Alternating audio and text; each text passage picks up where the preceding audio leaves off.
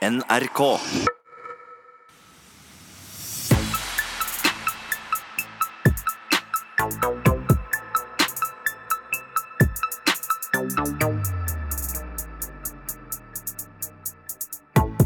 Velkommen til vaskeekte norsk fengselsradio. Jeg heter Erik, sitter her med newsrøveren Steffen.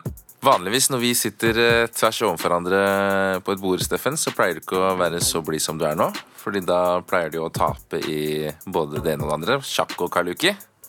Men eh, nå sitter du her og smiler. Jeg gjør det. Jeg skjønner ikke hvor den der påstanden med at jeg taper kom fra. Med tanke på at jeg er regjerende og har i hvert fall eh, tre mer spill eller vinster enn deg, så den kan du bare trekke tilbake, Erik. Skal ikke helt stole på alt Steffen sier. Men uansett, sendinga i dag, hva er det den skal gå ut på, Steffen? I dag skal vi eh, få høre fra Heidi, som eh, nå soner ved en eh, åpen avdeling. Så hun har litt mer frihet. Hun er ute på frigang og sånn, og skal møte da Gro Anita, som folk kanskje har sett i Petter Uteligger, En ny sjanse. Hun er jo en av de som jobber i kafeen der, er lik kaffe.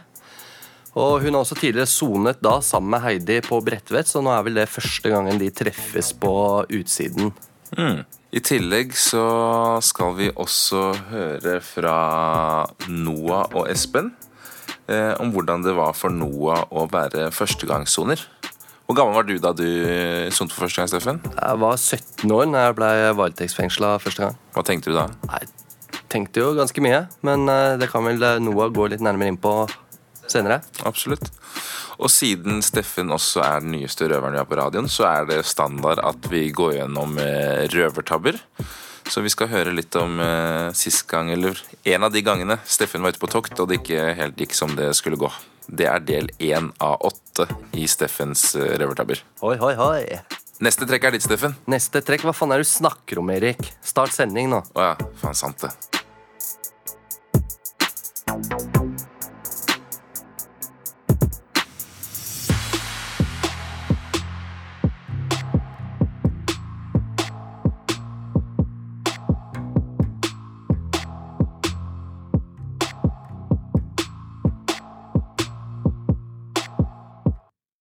Nå skal vi snakke om eh, noe litt eh, smertefullt, kan jeg se for meg. Eh, Sikkert litt flaut òg, iallfall hvis du blir tatt for det. Du hører på Røverradioen. Jeg heter Ola. Jeg er ansatt, ikke innsatt, men det er de to framfor meg, Noah og Chris. Hei, hei. Hei, hei. Dere, Vi har jo disse fengselsmytene våre der folk sender inn ting de lurer på, fordommer og sånne ting om fengsel på Facebook til oss. Og nå skal vi ta opp en her som jeg Ja, jeg vet ikke om dere har gjort det. Jeg tror ikke dere ville innrømt det uansett, da, men den setter heter Lars, som lurer på Eller han lurer ikke på, han sier at eh, dere er veldig flinke til å stappe ting opp i rumpa. Og smugle ting inn. Ja. Smugling, tenker du? Ja, og da er det liksom På utsida bruker du posten, og her på innsida så bruker du analen. Det er mye rumpedop her, for å si det sånn. Er det et eget begrep? Uh, Jeg hadde selv med meg hasj inn her, da. Og det gikk jo opp i toeren. Det gjorde det? Ja. Ok, Altså Hvordan forbereder du deg mentalt til noe sånt? Nei, jeg tar det vel litt sånn spontant. Tar det der og da, liksom. Ja, gikk rett inn på do, så bare tjo, skjøv han oppi. Han er lille som går. For å si det sånn, jeg har aldri gjort det. Og så viktig er ikke stoff for meg. Eh, men eh, jeg tenker at det må være Det må, det må jo være noe i det. Det, det, er, det, er ikke, det er ikke bare bare å putte opp rumpa, liksom. Det må Spørs være hvor noe stor plass du har der. Ja, for. Vi må jo spole litt tilbake. Hva er liksom motivasjonen for å gjøre det? Ikke sant? Nei, ja. Det er jo greit å ha noe å kose seg med inne på cella, tenker jeg. Du vet det blir mange dager da, til i det hele tatt du får tak i et av det her, tenker jeg. Så ha noe som får tida til å gå der inne, da. Ja, for du, må- du må jo være ganske desperat, tenker Jeg jeg. da. tenker Folk er forskjellige. Folk har forskjellig under, eller mellom øra. Så, så viktig har det aldri vært for meg å putte i meg stoff at jeg må putte i rumpa mi for å putte det i kjeften eller røyker eller eh, Nei, altså. Men eh, Lars har rett når han sier det er mye trafikk opp i, i bakenden her inne i fengsel. Det vil jeg si er den første plassen du tar, da. Du, du blir jo ikke sjekka opp i ræva når, du, Men, når du eh, kommer inn, så det er vel den sikreste Hvor, plassen. hvor mange som gjør det, det er ikke godt å si. Nei, Men det- eh, det kan hende at det er flere andre måter å gjøre det på. Jeg vet at folk gjemmer ting i håret. Ja, han, det var jo en som ble I skoa, tatt her forrige uke. Ja, i skoa og håret. Altså, det er flere muligheter. Men eh, den tryggeste veien er sikkert eh, bæsjen. Men det er jo en risiko knytta til dette her. Altså hvis eh, posen ja, sprekker og sånt. Har du en lang dom, tenker jeg, og sånn, så tror jeg ikke du har så mye å tape på det. Nei, men det er vel ikke bare hasj folk tar inn i altså, Nei, men tenk på hvis, eh, hvis de putter i seg heroin da, eller rumpa, det går høl i den posen. Ja, Da blir du jævlig høy, eller så får du en overdose. Det er enten eller. Man tar seg ikke så veldig høytidelig når man holder på sånn, vil jeg si. Men de som gjør det, de gir på en måte faen. Ja. Jeg har ikke vært borti et fengsel hvor det har vært så lite røykings da, som det er her i Oslo fengsel nå for øyeblikket. Jeg tror jeg har hørt om én eller to tilfeldigheter da, hvor det har vært hasj her nå på fire siste måneder. Ja, for, for du Chris, du har sittet inne hvor mange ganger før? Uh, ja, fire med en, uh, med en varetekt, da. Og på en skala fra én til ti, hvor vanlig det er at folk smugler ting inn via Jeg har gjort det selv alle gangene, og jeg tenker så lenge jeg har gjort det, så er det vel mange flere andre som sikkert har gjort det. Men Hvorfor blir det ikke tatt mer? Altså, jeg føler dette er så åpenbart. Hvorfor blir folk ikke tatt ofte? Du er jo innelåst på cella ja. eh, 20 timer i døgnet, og de sjekker døra tre-fire ganger i løpet av en dag. Men Har de ikke lov til å bare gi dere avføringsmiddel Det er- og det er så sette dere her før dere får gå videre inn i fengsel? Det liksom? hadde sikkert vært en metode, det, men, Men det er jo ofte, de bruker para, den ikke. det er jo ofte paragraf på dørene. Så fort du ser en paragraf, så tenker du her er det noe rumpe, rumper i. Chris, eh, når du har gjort det sjøl, er det bare for eget bruk, eller eh, er det sånn at folk pleier å selge det som regel? Nei, jeg har, det var eget bruk for min del. da. Det var jo veldig lite. Så da er det jo greit å ha det selv. Jeg gidder ikke å lage problemer for andre her inne, så de får ordne det selv. Men er det vanlig folk gjør det for å selge?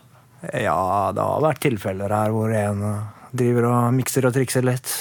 Vel mye, for å si det sånn. Men blir folk tatt? Nei Både ja og nei, tenker jeg. Ja, For du har gjort det en del ganger. Har du blitt tatt sjøl? eh, Jeg ble jo tatt her eh, så fort jeg kom inn. da. Jeg prøvde jo å smugle med meg litt hasj. Og også her for eh, ja, to, to Det er vel snart tre måneder siden. To og en halv måned siden eller noe sånt. Så, så røyka jeg dagen før og lagde meg en pipe. Og selvfølgelig, vet du, dagen etter at jeg gjorde det. Jeg hadde ikke hatt ransaking på rommet da, eh, på lange tider. Og så selvfølgelig dagen etter så kom de inn på romsjekk, og da fant de pipa jeg hadde, og ja, alt sånt som det der. Så da var det Mista fellesskapen i en ti dager, og mista jeg jobben og alt sånt, så du, du risikerer jo en del. da. Det gjør det. Det er harde straffer for det. Jeg tror det er litt sånn Enten så får du en hard straff, eller så får du en ja, liten straff. Ja, litt ettersom hvor mye du blir tatt med, tenker jeg. Ok, da tror jeg vi avslutter der. Enden er god, iallfall eh, så langt. Og vi kan si at Lars eh, har eh, 100% rett. Ja, ganske. Ja. Men det, dere har slutta med det nå, ikke sant? Eller bare du, Ja, da? jeg skal snart ut, så Ja. prøv å holde med på måten nå.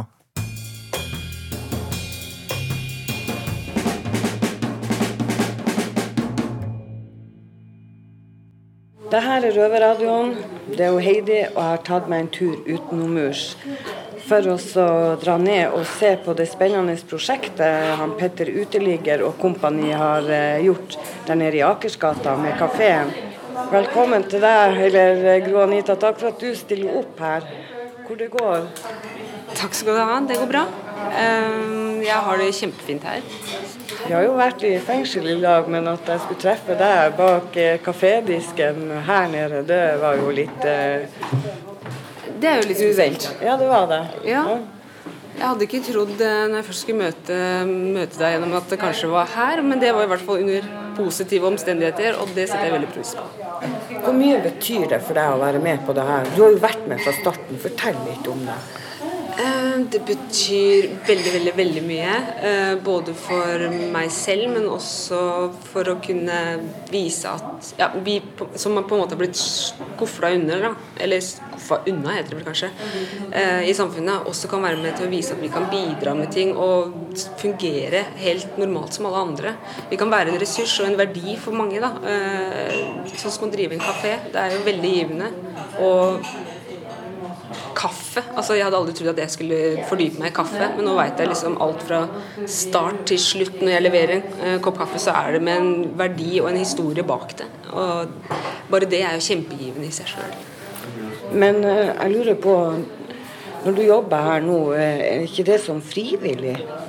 Jeg kom inn i prosjektet ved at de spurte om jeg hadde lyst. Jeg er jo 100% ung ufør. Eh, men det er en jobbtrening da, for å se på en måte Jeg jobber fire timer. eh, og må selvfølgelig se an formen og sånne ting. Eh, for jeg sliter jo med sosial angst, og det kan jo være litt utfordrende, spesielt hvis det kommer mange. Eh, Men da kan jeg fra å stå bak i kassa og lage kaffe eller ta kassa, så kan jeg gå rundt og rydde og prøve å roe ned på den måten. Så uansett hva man gjør her, er like betydningsfullt. Så det, det å jobbe her betyr masse. Gro Anita, for noen år siden, hadde du trodd at du skulle stå i den situasjonen som du er i i dag? Det er helt klart en stor forskjell. Eh, For det første fordi at eh, da tenkte jeg ikke noe i det hele tatt. Det var bare helt kaotisk, det livet som jeg har hatt før. Eh, Fra uten livsgnist til full gnist nå, for å si det sånn. Så nå begynner jeg med to og to uker fremover og kan se fremover i tid. Før så kunne jeg ikke se en dag fremover engang. Men nå er jeg med på Og nå har jeg også vært rusfri i ni måneder. Så det kan ikke sammenlignes. Det er ikke sammenlignsbar. Da sier jeg tusen takk til deg, Gro Anita, og lykke til med kafédrifta. Tusen takk, og det samme til deg, Heidi. Innsatte i norske fengsler lager radio. Du hører Røverradioen i NRK P2. Sola skinner alltid i Oslo fengsel, og nå skinner den ekstra godt. For jeg, Martin, har fått besøk i studio av en betjent. Normalt er de her for å hente oss, men i dag har altså en av de gamle traverne, nemlig du, Geir, lovet at vi skal få stille deg et par spørsmål. Kan du fortelle litt om deg selv? Hva skal jeg fortelle da? Jeg har jobba her siden 1. desember i 1983. Ja. Jeg har blitt 58 år, da. Selv om jeg har en genfeil, så er jeg 18 i huet nå. Men eh, det har jo vært rein hygge. Det har ikke vært én dårlig dag ennå. Og ja, så er jeg en aktiv person, da. Som sagt, jeg har en genfeil, så jeg er eh, aktiv på alle mulige fronter. Jeg er høyt og lavt. og ja, Og jeg driver med mye rart gjennom livet. Idrett og film og skrive en barnebok og ja, litt av hvert. Hva er den største forskjellen på fengselet fra du starta i forhold til nå? Nei, Den gangen så var jo det var omtrent bare norske innsatte. Og i dag er jo vel hovedtyngden er vel kanskje på utenlandske innsatte. Og det som var den gangen, det var det at eh, veldig stor prosent av dem var jo narkomane. Og veldig mange hadde jo ADHD. De er jo dessverre døde, de aller aller fleste. Det er en eller annen som har overlevd, ellers er de døde, dessverre. Og det er klart at de konfliktene de hadde ute, de fortsatte jo inne. Og det var jo litt mer bråk den gangen der, både med ansatte og innsatte, og mellom innsatte. Og det var jo også veldig mye mer stoff. I dag er det nok eh, ikke brøkdelen så mye stoff som det det var den gangen, pga. at det er mye at det var mange som var narkomane. Og jeg har også hørt fra sikre kilder at eh, det ble smugla Det var tørke i byen, som det het. Det var, fantes ikke heroin, så ble smugla altså heroin fra innenfra fengselet og ut. Såpass, ja. Og jeg har også hørt en annen litt eh, morsom en. da, At det var én sprøyte som gikk på rundgang i hele, på hele fengselet. her. Og den var så sløy at de fikk den ikke inn i år engang. De prøvde å file en vass da med ripa på en fyrstikkeske. Ja, altså da vil si det at eh, Mange av de innsatte hadde med seg problemene de hadde på gata, da, inn i fengsel. Ja, og så hadde de jo noen skyldte penger og hadde bøffa noen og alt det grann der, og tysta og alt mulig sånn, ikke sant? Ja, Det er ikke bra. Nei. Du har jo 33 år som fengselsbetjent. Hva er det beste og hva er det verste du har opplevd? Nei eh, Jeg vet ikke. Det beste er jo hverdagene. Altså, jeg har ikke hatt noen sånn dårlig eh, hva skal jeg si, Ikke noen dårlige dager. Det er jo bare gøy og moro. Det er jo hverdagen som er, de dagene som kommer og går. Det er det som er jo den gemyttlige tonen, og du kan liksom ha en fin arbeidsdag. Da. Det er jo det beste. Men jeg har jo selvfølgelig også hatt, det er jo en del år siden nå, som jeg har hatt eh, noen eh, episoder som har vært livredd, eh, som har blitt låst inn i sykebilen f.eks. med en innsatt som gikk berserk og blodet spruta rundt og sånn. og Du vet det er jo en del sykdommer der, da. Det har jo vært til. og skulle inn på en annen kar en gang, en hollender, litt tøffing, som hadde to glasskår i håndkle rundt henda. Og så glasskår eh, full av blod rundt der, og, og tok jo da eh, gass på den, og han ble bare gærnere og gærnere. Og så skulle jeg da, som førstemann, da, den gang var litt andre ting, og inn og hente den. Jeg må jo si jeg var redd, og ja må, Med gass så mener du pepperspray eller tåregass? Nei, eller? tåregass. Tåregass, ja. Ok. Det er såpass. Ja, det har vært en del sånne episoder. Ja, Det er ikke bra. Nei. Uh, har det noen gang vært noen opptøyer her? Ja, det var to stykker. Først et sånt halvveisopprør i 84. Og da var jo si, det var mange celler som er knust og mye sånn. da. Og så var det kanskje et halvt år etterpå. Da knuste du hele avfløya. Da ble det alt knust til pinneved. Okay. Og da måtte jeg terrorpolitiet inn for å få roa ned hele greia da, og sånn og sånn. Så da absolutt Da var det action. alt. Ja. Og da jeg var på jobb på det første opprøret, men ikke på det andre. Ja, men Fikk du sett det andre skadene? Ja, ja, ja. Nei, det var ikke, var ikke fiksa opp med en gang, det. Jeg tror samtlige celler var Alt var knust. Men jeg har faktisk hørt rykter om at vi ikke er den første fengselsradioen her i Oslo fengsel. Stemmer det? Det stemmer. Det, når jeg da begynte her, da var det altså GRM, Guttas radiomagasin. Ja. Så det også var jo mange artige episoder den gang. For på begynnelsen de første jeg var da, så var det direktesending. Ja. Og da var det en del koda meldinger, da. Det var det. For eksempel altså 304 Hansen sender da melding til uh, 902 Christiansen, da, som hadde tysta. Og så ønskeplate var nowhere, 'Nowhere to go, nowhere to hide'. og han, Det var jo også en da, som heter Truls, som dessverre er avdød. men han var jo da så full av kjøkkenmiks ned til Halden eller ned til der at han så kom en sånn Ja, så har vi Rollingsans Og så spyr han og prater han videre helt sånn. Ikke? Så dette går jo ut, men etter hvert så måtte du lese da inn på kassett, og så ble det da sensurert. Men Ja. var det mye tull, så til slutt så blei det stoppa. Dessverre, for det var veldig hyggelig. For Jeg kjenner jo bare på meg sjøl hvor godt jeg har hatt av faktisk å være her i radioen, og hvor bra det er for soninga. da. Ja, visst er det det. Og det er jo noe litt artige minner og kan lage ja. til ja, programmer. og Eh, Tusen takk for besøket, Geir. Men til deg trenger jeg ikke si ha det, for du kommer jo og sjekker at jeg er på cella uansett, så ha det så lenge. Ja, ja. Håper ikke jeg skal sjekke det så lenge, da.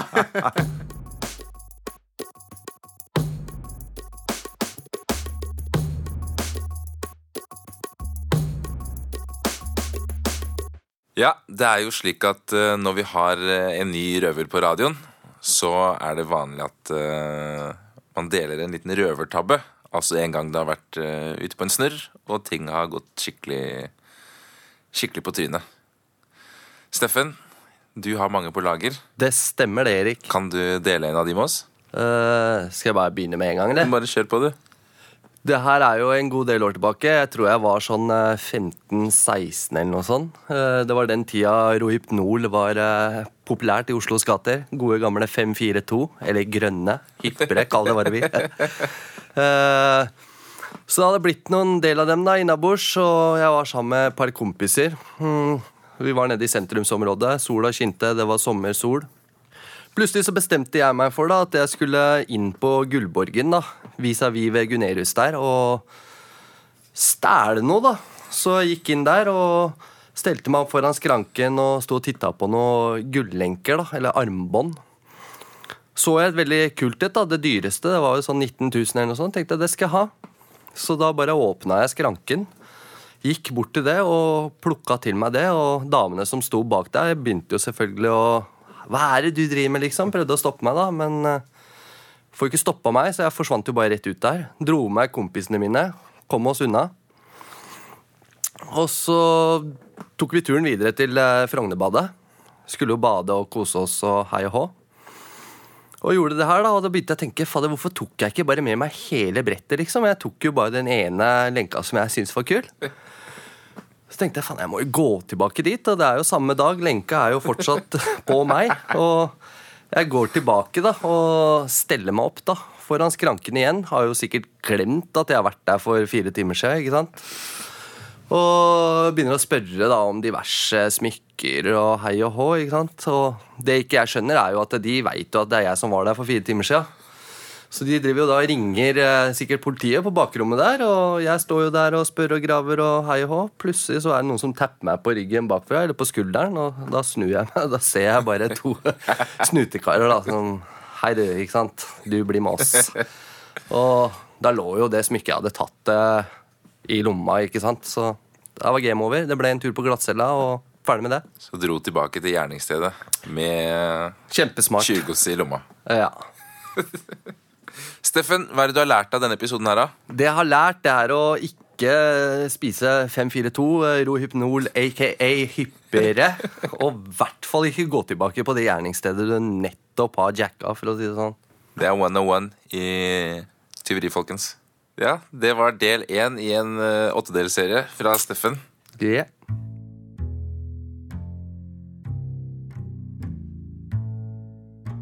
Innsatte i norske fengsler lager radio. Du hører Røverradioen i NRK P2.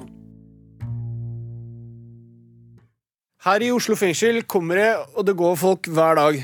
Jeg Espen har selv gått inn og ut eh, den porten her eh, mange ganger. Men eh, nå, Noah, nå skal vi høre litt fra deg, som er her for aller første gang. Og siste. Og siste, vi får håpe det. Eh, du, Noah, jeg tenkte vi skulle snakke om en ting som jeg er litt nysgjerrig på. Og det er eh, hvordan du som førstegangssoner vil beskrive det å sitte i fengsel. Hvis jeg skal være helt ærlig med meg sjæl, så vil jeg påstå at jeg har hatt godt av å komme hit og få den eh, eh, nedturen jeg har fått. da, For at eh, eh, når jeg var på utsida, så, så på en måte hadde jeg ikke den eh, De verdiene i hverdagen min som jeg kanskje har lært meg til å satt pris på nå. Hvis du skjønner hva jeg mener. Nei, jeg ikke nå har jeg ingen frihet. Jeg har ingen eh, venner. Jeg har eh, kun meg sjæl og den, den, cella Ja. å forholde meg til. Eh, og det har jo i seg sjæl vært jævla tøft. Men jeg var der ute, hadde friheten der, Mm. jeg satte ikke pris på det.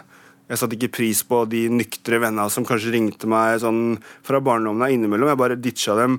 Eh, Gadd ikke å ta kontakt. liksom Hadde den der stengte døra, for jeg hang bare med de folka som drev med stoff. Du ble litt sånn egoist, på en måte? Ja, ble sånn høy på meg sjæl og rusen og så ikke helt eh, egentlig hvem jeg sjøl var heller, for å si det sånn. Ja. For deg så har det faktisk egentlig vært en litt sånn Hva skal man si? Ja? En, eh, et vendepunkt, det å komme i fengsel. Altså jeg vil si at Det er det største vendepunktet jeg har hatt i hele mitt liv. Hele, I hvert fall hele ruskarrieren. Sånn, jeg rusa meg fra jeg var 12-13. Mm. Så jeg kan ikke si jeg har vært edruelig i puberteten heller. Det å sitte i fengsel, er det på noen måte sånn som du ikke sant? Alle har en sånn, et sånt bilde oppi huet ikke sant? På hvordan det er å sitte i fengsel. Er du med? Ja. Er det sånn som du hadde forestilt deg, eller? Nei, overhodet ikke. Jeg vil si at det er eh, verre på noen måter. Men eh, bedre på, på andre måter måter. Eh, at eh, sitter så veldig mye innelåst da, på den der cella. Du føler at det er, det er ganske ille. Det er til å bli gærne, på en måte. Det er, folk blir jo gærne her også av det. Ja, ja. Det Men eh, jeg hadde, hadde jo noe utagering liksom, inne på cella mi i første tida, men jeg slo aldri stykker noe. Men at jeg slo jo vegger og litt banna litt høyt. Og jeg slo meg faktisk litt sjøl i trynet òg, egentlig. Det blir jo mye frustrasjon, da.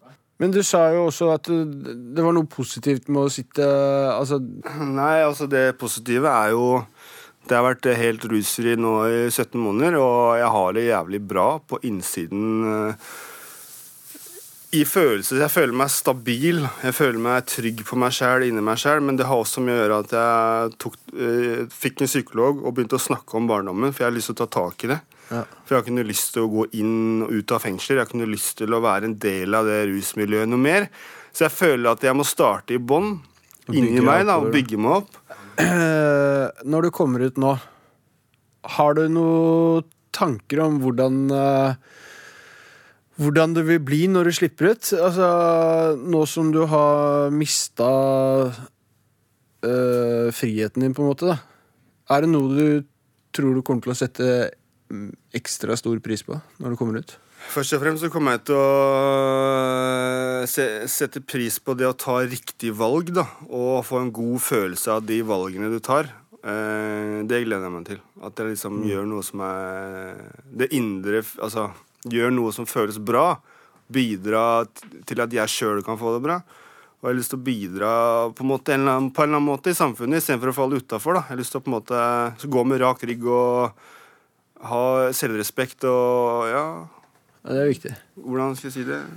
Du Bare, orker ikke å se ned i bakken og, ta, og snakke rundt grøten og ljuge og hente stoff og selge stoff og putte i meg stoff. For at den, nei, liksom, jeg, må ha, jeg må være trygg. Og det er den tryggheten som jeg aldri har hatt, vil jeg si. det. Jeg skjønner hva du mener. Det var, det var, det var, det var litt annet svar enn det jeg egentlig hadde forventa. For det mange, mange ville kanskje satt, sagt det at eh, ah, jeg hadde satt pris på å gå på butikken og kjøpe meg hva jeg vil, når jeg vil. Eh, hadde satt pris på mobiltelefonen min eh, fordi man har vært uten så lenge. alt det der, ikke sant? Og her kommer det liksom på det dypere plan. Hm, Spesielt. Nei, det er, nei, det er ikke spesielt. Det er Nei, det er ikke spesielt. det er egentlig. Det er, Det er bra. Ja, det er kult. Du, du eh, tar tak i mye ting her inne, og det er dritbra.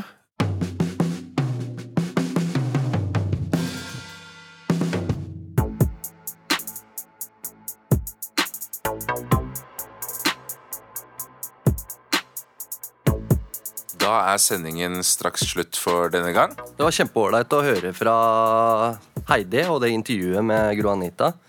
Eh, Dødskult at hun eh, Gro Anita klarer seg så bra nå. Og har fått en så positiv giv da, etter det prosjektet Er lik kaffe.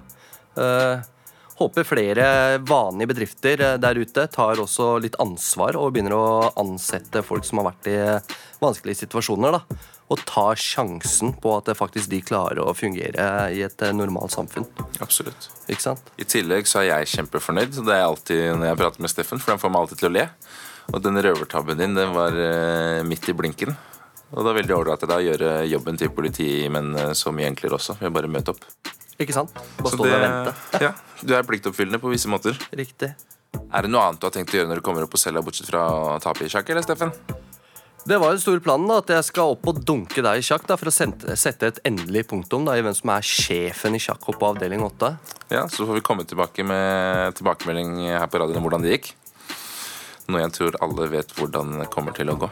Ja, cocky, cocky. Kan ikke vi ta et lite veddemål eh, når vi kommer opp av Steffen? At uh, taperen må synge Bæ bæ lille lam på neste sending? Jo, det kan vi gjøre, og vi har jo Noah her, så Noah kan jo være referee når vi spiller, så ikke det blir noe løgner i ettertid. Nei, den er grei. Ja, Men det var da nok for denne gangen. Du hører oss lørdag på P2 halv to og på podkast når enn du vil. Da var det sjakk matt for denne gang. Yeah.